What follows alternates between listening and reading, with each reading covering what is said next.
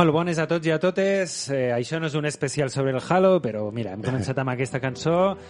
Eh, al capítol d'avui volem parlar d'una època daurada de la història dels videojocs, que és l'època quan eh, Sony, ai, perdó, Sony, eh, Nintendo i Sega estan dominant el, el mercat amb la Mega Drive i la Super NES.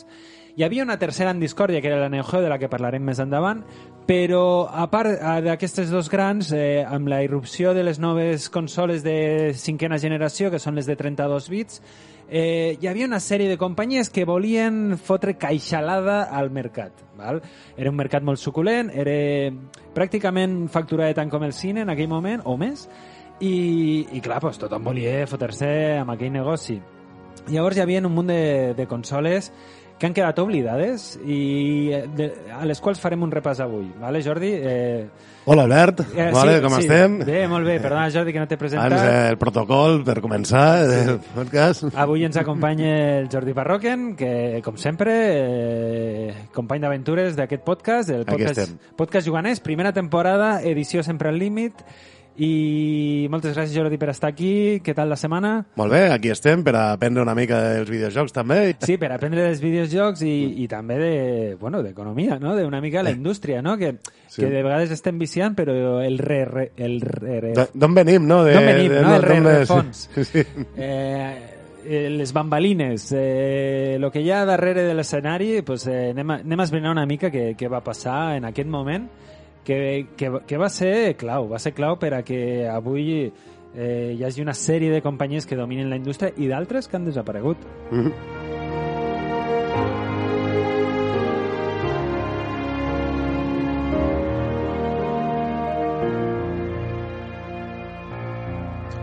Vale, mira, Parroquen, eh, Sí. t'explico una mica. Eh, tu, tu tenies la Super NES o la Mega Drive? Eh, bueno, jo he de dir que, que no en tenia cap d'aquestes, per començar. Eh, i- jo, jo vaig tindre consola a casa molt tard. Eh, te, Sí. Explico ja eh, anècdota personal. Eh? Sí, sí, sí, sí, sí. Eh, els meus pares mai em van voler comprar una consola eh, de petit. Eh, Uh. Ells no, no- hi creien amb ells, o sigui, creien, eh, demonitzant totalment els videojocs i tal, i llavors jo, eh, del que era fan, era de les sales recreatives, i quan vaig poder tindre el primer sou, eh, em vaig comprar la, la Play, la Play U, que Play després suposo que ja en parlarem. Sí, i tant.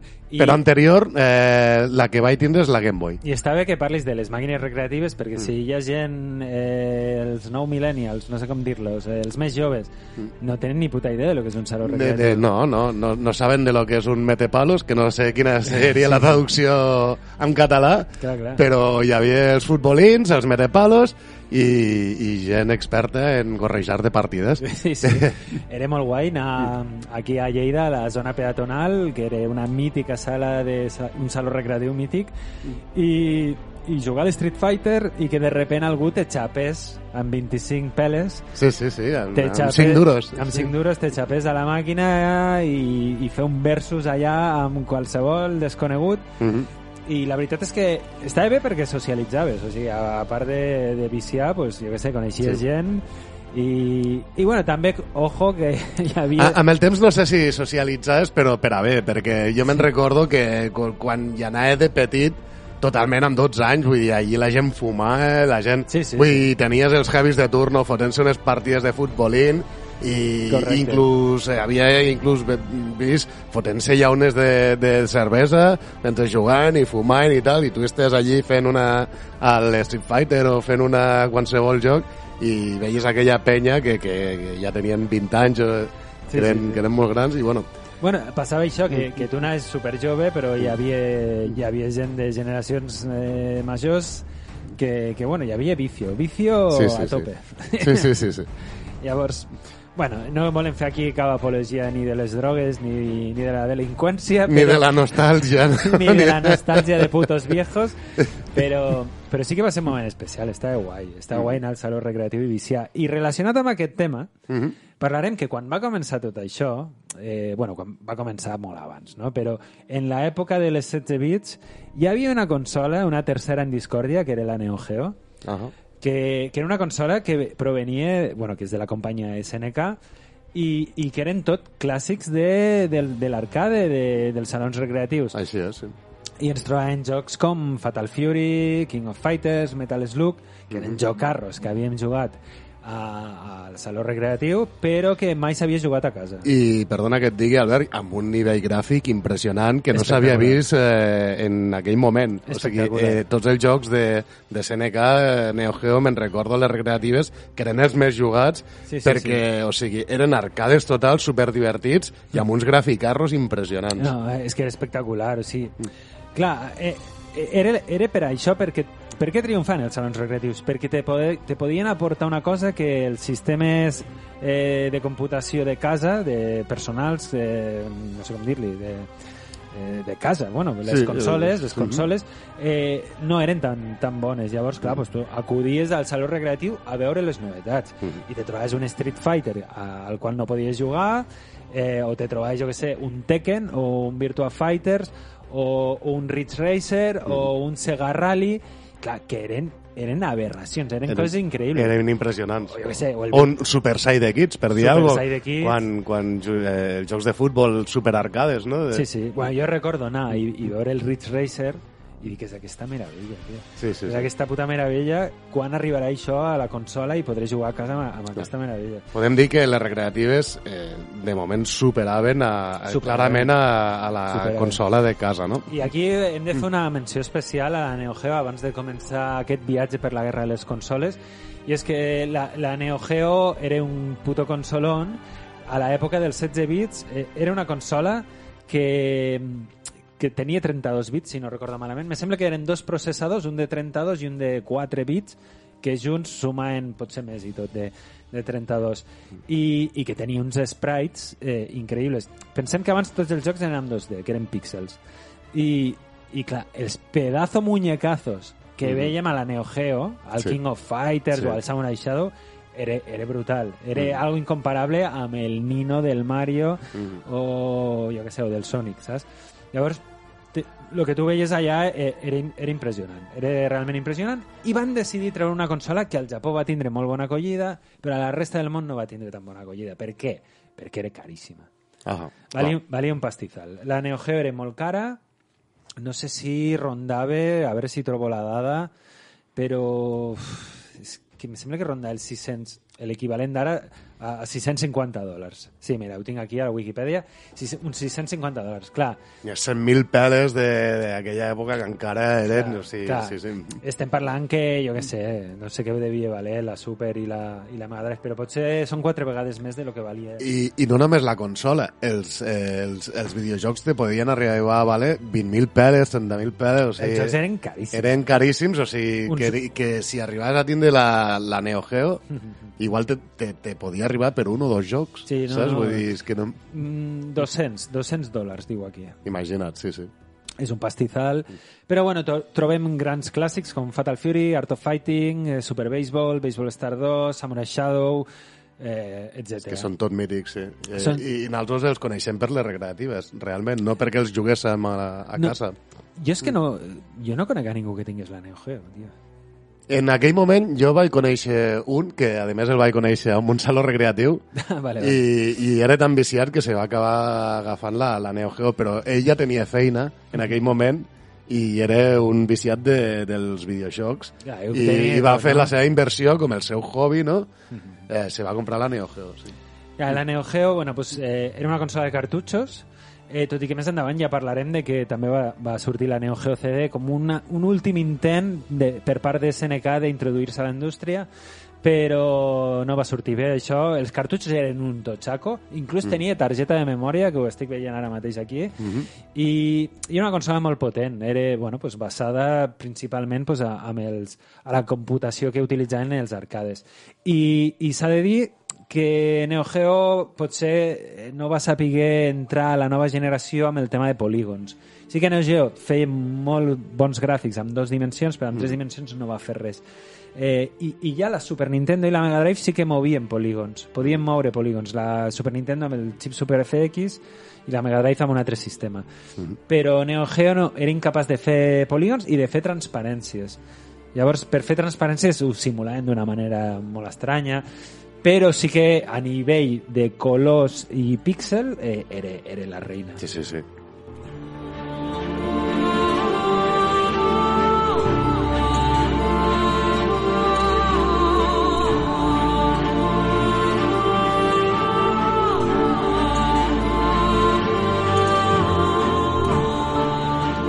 Vale, pues mira, quan, quan les 16 bits ja estan a tope, eh, tothom vol introduir-se a, a la indústria dels videojocs perquè és un mercat molt suculent i llavors tenim companyies com Atari que volen ressorgir. Val? Atari recordem que és, un, és, no sé si la primera, jo diria que sí, que és la, la primera companyia que treu una consola de sobretaula Uh -huh.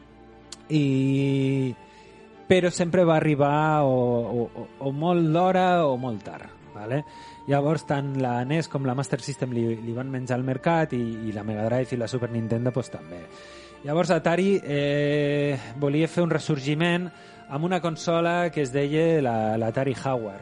Vale? L'Atari Hauer. Mm, Sí. No la coneixia per a res. Sí, pues la- eh, l'Atari Jaguar, a part de tenir un mando horrible, sí, el menos És, ergonòmic... és que sembla una calculadora, el mando, no? Sí, no sé, és, és- com... No sé. És un gamepad eh, pues que té la, la, la creueta a l'esquerra, el botó de Select i Start al mig i a la dreta eh, els botons A, B i C, Que estan en diagonal cap a dalt, no? És, Tipo Mega Drive. Sí, tipo Mega Drive. tipus Mega Drive, però després a, a la part inferior del mando hi havia com una sèrie de botons eh, absolutament inútils que... Sí, ve com 12 botons, com si fossin 12 botons de select, Sí, sí. que, que per a què els volies, per, per, no? a què, per a què els vols. No semblava massa ergonòmic, un mando bastant horrible, però sí que la consola estèticament era bastant agressiva, una mica rotllo Mega Drive, no? Mhm. I la venien com una consola ja no de 32 bits, sinó com una consola de 64. Van flipar una miqueta? Van flipar... Van flipar.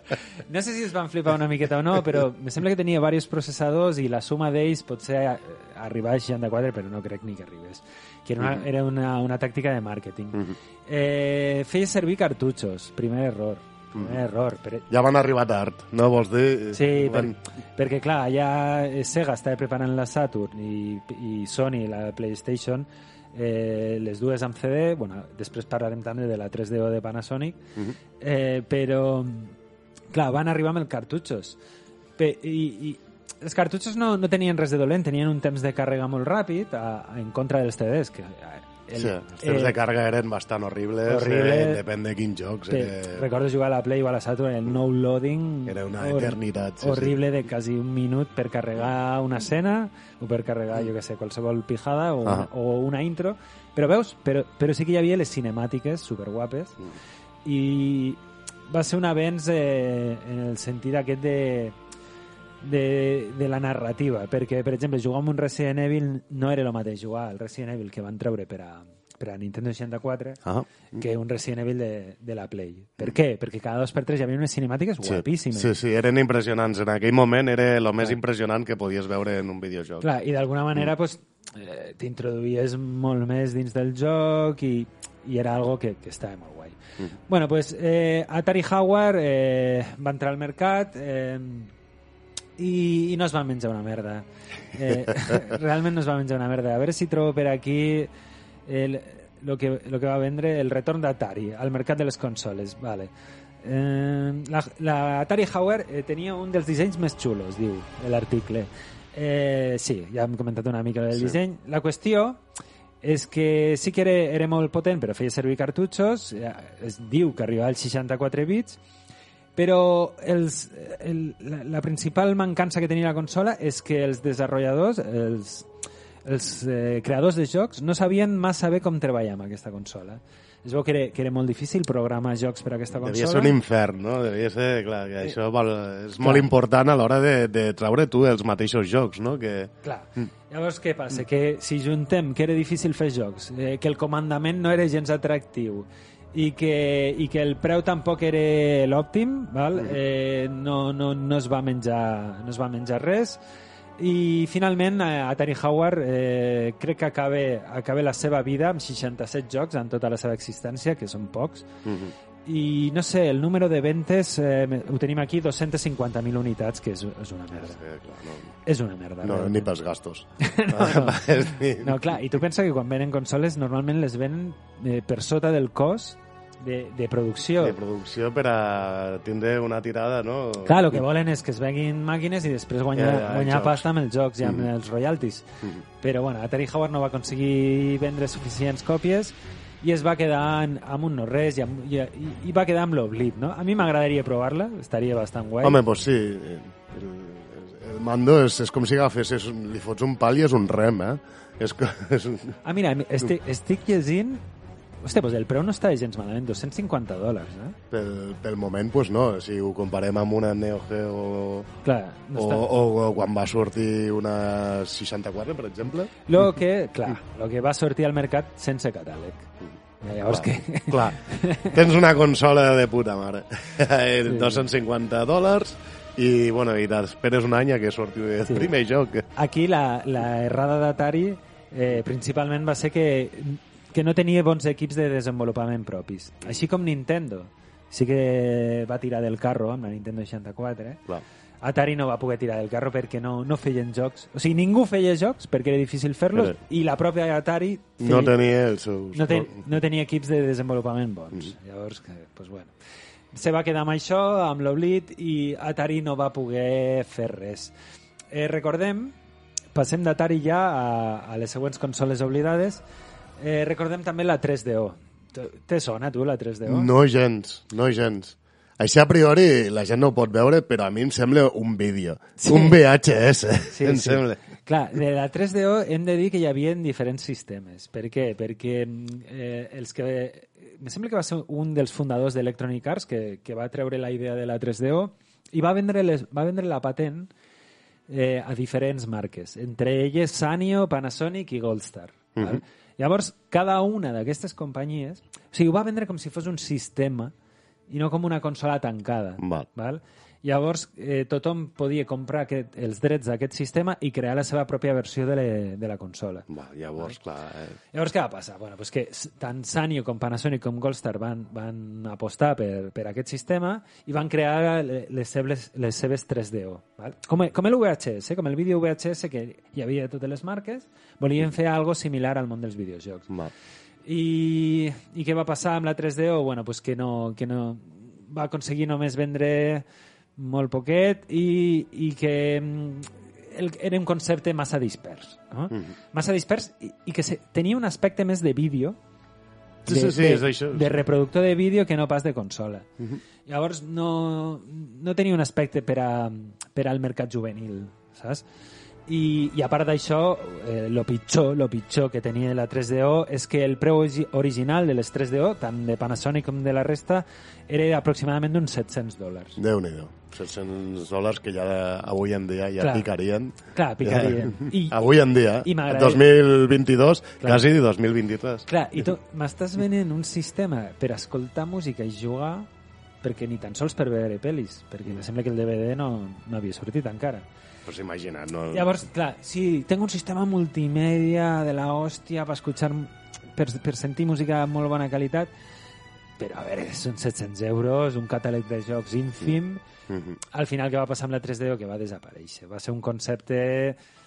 A veure, tecnològicament segurament era molt potent, val? Però a vegades no, no és lo important que faci triomfar una consola o un, o un sistema... No?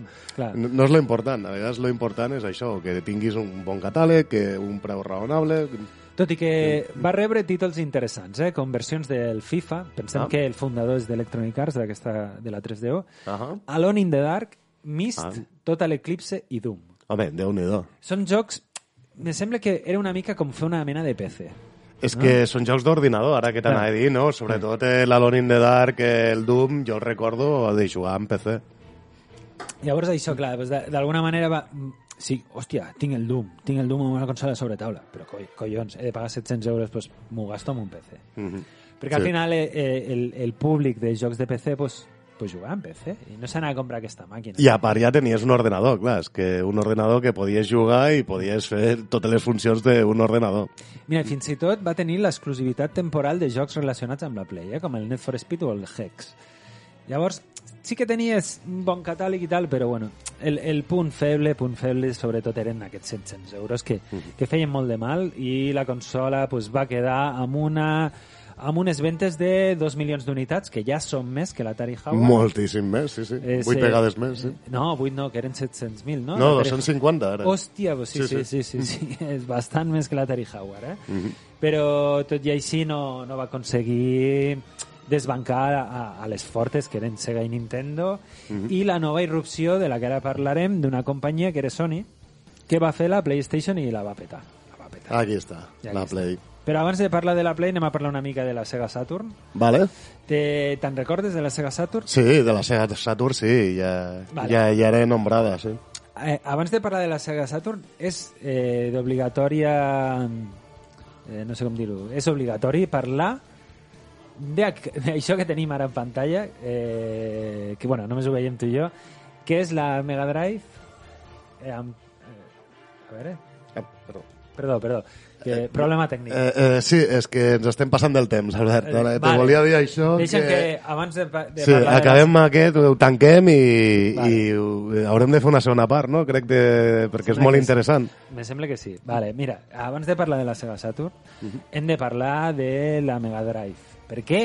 Perquè la Mega Drive, sent una consola de 16 bits, va treure una sèrie de- d'accessoris per, per, a, per a poder competir en aquest salt generacional. Val? Primer va ser el Mega CD, Uh -huh. que del Mega CD jo només tinc coses bones, eh? A Sí? Sí, Sí? sí, La gent és molt crítica amb el Mega CD. El vas arribar a utilitzar Sí. i tal? El Mega CD, mira, jo tenia un amic que tenia la Mega Drive, jo era de Super, de, de la Super Nintendo, però mm, el, el Mega CD, eh, ah, perdó, eh, la Mega Drive que tenia el meu col·lega, es va, ell es va comprar el Mega CD.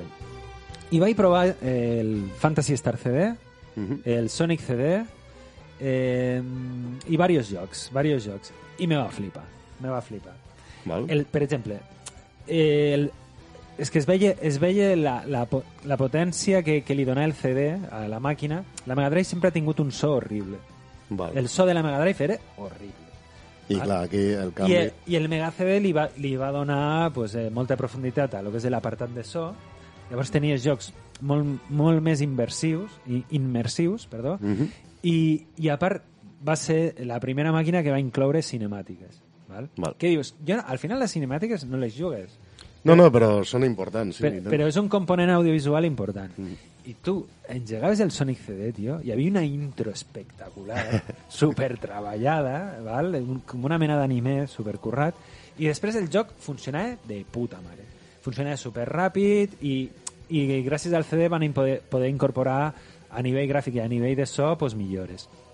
El Fantasy Star CD Mhm. és que era brutal també. Brutal. Eh, Bueno, a part de que el joc en si era un joc de rol eh, amb combat tàctic per torns eh, que, que dels primers que van sortir i super guapo eh, eh, a part del component d'estratègia que ja ho tenia el joc de Mega eh, també van incorporar una sèrie de millores gràfics i de so brutals i a mi, a mi em va semblar un experiment que estava bastant guai, eh? Que estava bastant guai.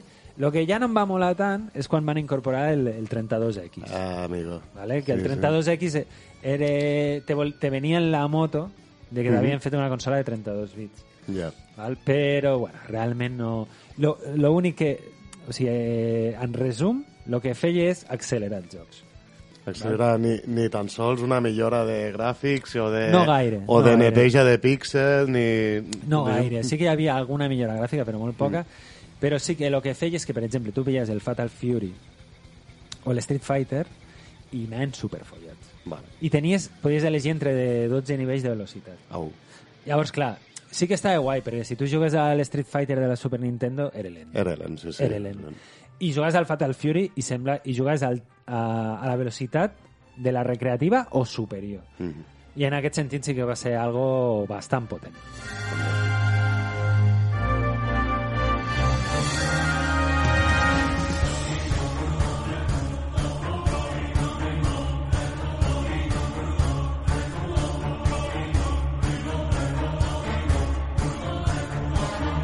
I bueno, no tenim temps per a més. Eh, continuem el viatge el capítol següent, no? Doncs pues vinga, fem una segona part d'aquest viatge que està molt interessant Sí, sí, sí. i I res, us emplacem al, al següent programa, eh, continuarem parlant de la guerra de les consoles. Fins la setmana que ve, adeu. adeu, adeu.